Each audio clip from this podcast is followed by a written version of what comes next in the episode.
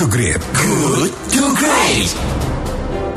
Kita masih di sesi diskusi dalam Good to Great because good is the enemy of great dan kita masih membahas topik menerawang bidang hukum tahun 2020. Perbaikan signifikan apa yang mesti dilakukan di tengah munculnya fenomena diskon masa tahanan narapidana korupsi. Dan sudah terhubung dengan narasumber berikutnya itu Profesor Dr. Haji Edi Setiadi SHMH, Rektor Unisba.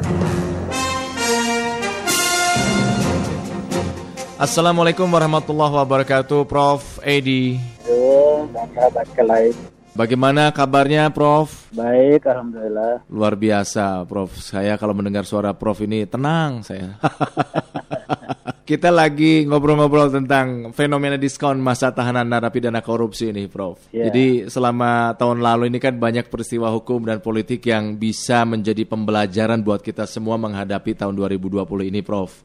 Ya. Nah, refleksi Anda ini Prof di bidang hukum eh, tahun lalu ini, apa yang perlu menjadi perhatian publik dan patut dikawal bersama ini Prof? Oke, terima kasih. Assalamualaikum warahmatullahi wabarakatuh, sahabat lain dan uh, pemirsa lainnya. Begini, saya melihat bahwa fokus utama dari pembangunan hukum yang akan datang tahun 2020 ini adalah ada tiga. Satu, perbaikan komponen lembaga penegakan hukum. Kedua, adalah perbaikan substansi hukum. Dan ketiga adalah penebalan ya, atau penguatan terhadap budaya hukum kita. Hmm, hmm. Misalnya kelembagaan hukum. Nah, tahun yang lalu kita diributkan atau disibukkan dengan perdebatan soal pelemahan atau penguatan KPK. Iya. Nah, itu kan sangat kelembagaan hukum. Mhm. Mestinya yang dibenahi itu kalau lembaga penegakan hukum dimulai dari kepolisian, kejaksaan,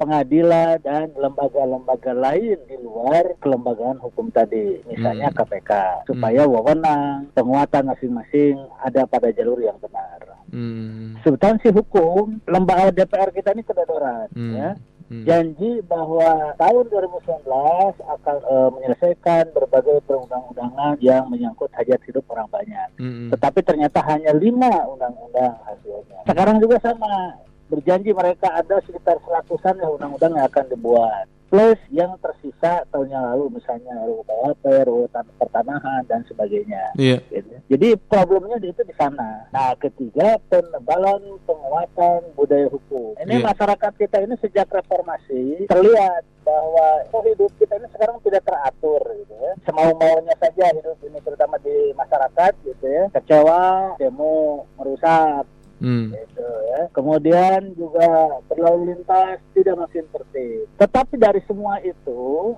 saya melihat faktor utama yang harus dibenahi itu adalah faktor penegakan hukum. Nah, tahun 2019 kita disuguhkan dengan persoalan masalah keadilan. hmm, Ya, kenapa hukum ini tajam kepada orang hmm.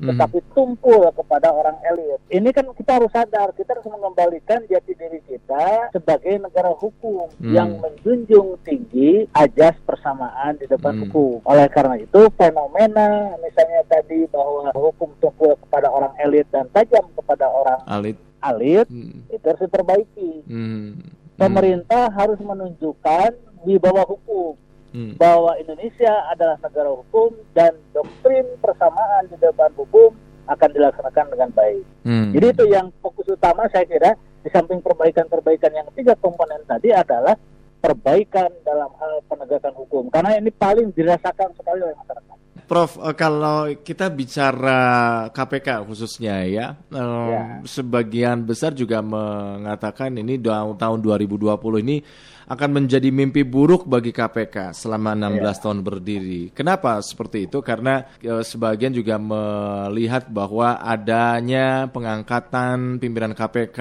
yang sepertinya ah, agak, agak lemah gitu loh, tidak tegas gitu loh, dan ada Ya. keberpihakan. Bagaimana menurut anda? Nah, oke ya itu kemarin kan banyak keraguan. Ya, Keraguan terhadap revisi undang-undang, keraguan terhadap komisionernya. Hmm. Tapi ternyata awal tahun ini sudah dibalas keraguan itu dengan sedikit kinerja lah ya, yaitu OTT Sidoarjo, OTT terhadap anggota KPU. Nah ini barangkali KPK ingin menunjukkan bahwa lembaga ini masih kuat walaupun ada Dewan Pengawas. Mhm. Dan lembaga ini masih kredibel walaupun salah sebagian komisionernya diragukan soal integritas dan etik. Tapi kita tunggu saja Misalnya Hmm. tiga bulan ini coba lihat tingkah laku komisioner dan tindak apa kinerja KPK ini seperti apa. Mhm. Kita beri kesempatan lah kan orang buruk eh, tidak akan ada orang baik ya langsung Pak. Hmm. misalnya gitu ya Iya. biasanya orang buruk kan sudah selamanya harus jadi- menjadi buruk gitu ya. Iya. Nah ini misalnya diragukan ya siapa tahu dia berubah gitu ya. Hmm. Makanya kita saya lebih memberi kesempatan tiga bulan Mhm. untuk kinerja komisioner dan untuk kinerja kelembagaan. Artinya komisionernya menunjukkan bahwa kami ini kredibel, Iya. kami ini mempunyai integriti. Itu ya terasa komisioner. Lembaganya juga kami masih kuat nih, bisa OTT, bisa menjerat Pak, korupsi dengan dengan kerugian negara yang sangat tinggi. Iya, Kita beri iya. kesempatan lah tiga, tiga Hmm. bulan evaluasi. Kalau tiga bulan tidak menunjukkan kinerja, baru kita dorong Iya. Dewan Pengawas supaya bekerja Hmm. dengan baik. Hmm. Prof, lalu begini, Prof. Ini kan MA ya. Tadi Prof sampaikan bahwa ada harus ada perbaikan komponen lembaga penegakan hukum di antaranya eh, kejaksaan, Ah, iya. pengadilan, kan salah satunya ya, artinya ke Mahkamah Agung ya. Mahkamah Agung ini kan disorot karena soalnya malah memberikan diskon atau Ya. potongan masa tahanan untuk narapidana korupsi gitu kan. Nah, sepanjang 2019 setidaknya ada enam putusan yang meringankan narapidana korupsi.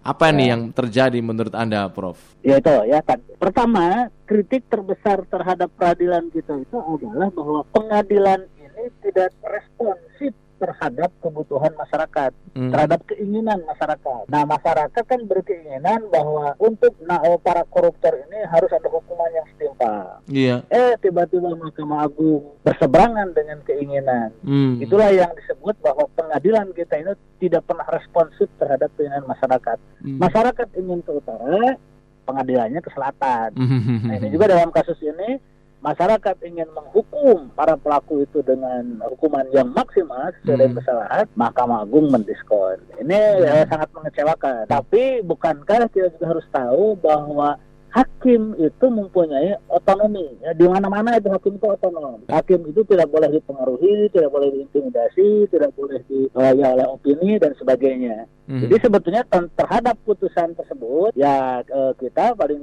paling tidak kalaupun kita rasakan tidak adil ya mengelus dada Hmm. ya mengelus dada walaupun kita mengerti bahwa mereka mempunyai otonomi. Jadi artinya nah ini harus ada kesepahaman antara jadi hakim itu harus responsif walaupun dia otonom, Hmm. tapi dia harus memperhatikan rasa keadilan masyarakat. Nah ini kan seolah-olah bahwa Mahkamah Agung itu tidak memperhatikan rasa keadilan masyarakat. Iya, Ya, iya. yang tadi saya katakan Hmm. masyarakat yang ingin keadilannya ke Hmm. utara, Hmm. ya ke selatan. Nah Hmm. ini yang tidak baik ini. Nah, ini apakah tren ini akan terus berlanjut nih, Prof, di tahun ini menurut Anda? Eh, Pemotongan ya, diskon lah, apa artinya potongan masa Ya. tahanan narapidana korupsi gitu. keluhannya kan masyarakat setelah tidak ada Hakim Agung Artijo ini Iya. banyak diskon. Iya, iya betul. Gitu ya. Banyak diskon. Dan Eh. itu da- dan itu jadi kesempatan. Semuanya mungkin ada suatu ketika bisa kebanjiran PK itu. Eh, eh. Begitu Pak Artijo turun langsung eh, diskon Ya. ini muncul semua ya. Nah, ini terlihat sekali itu ya.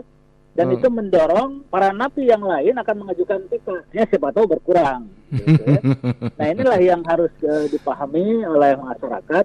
Makanya saya kira putusan itu harus dibuka eh, kepada masyarakat, kepada publik supaya publik bisa membuat anotasi terhadap putusan-putusan Mahkamah Agung ini, ya Hmm. membuat penilaian, Nah, Hmm. sehingga kita bisa eh, mengetahui ini hakim yang suka mendiskon ini mana saja, gitu ya. Hmm. Apakah kelembagaan ini merupakan kebijakan kelembagaan dari Ketua Mahkamah Agung Iya. atau memang sifat otonom dari hakim itu sendiri? gitu ya. Iya, Dan iya. ini akan berlanjut dan yang saya khawatirkan itu adalah membanjirnya perkara-perkara PK ya, Mhm. tentang tidak terimanya hukuman misalnya yang yang lama ya. Mhm. Bisa saja yang hukuman seumur hidup dia mengajukan PK lagi tuh. Tanya kasus siapa tuh Akil Muhtar ya. Iya. Hukum seumur hidup kan ini ada kesempatan bisa saja dan itu tidak baik bagi administrasi peradilan pidana kita. Presiden yang nggak baik ya, presiden yang buruk Ya, malah karena justru ini. peradilan itu harus final dan definitif, final dan definitif. Baik, baik. Prof, terima kasih Prof atas uh, obrolan kita pagi ini. Prof Edi, selamat Ya. pagi sukses untuk Prof Edi.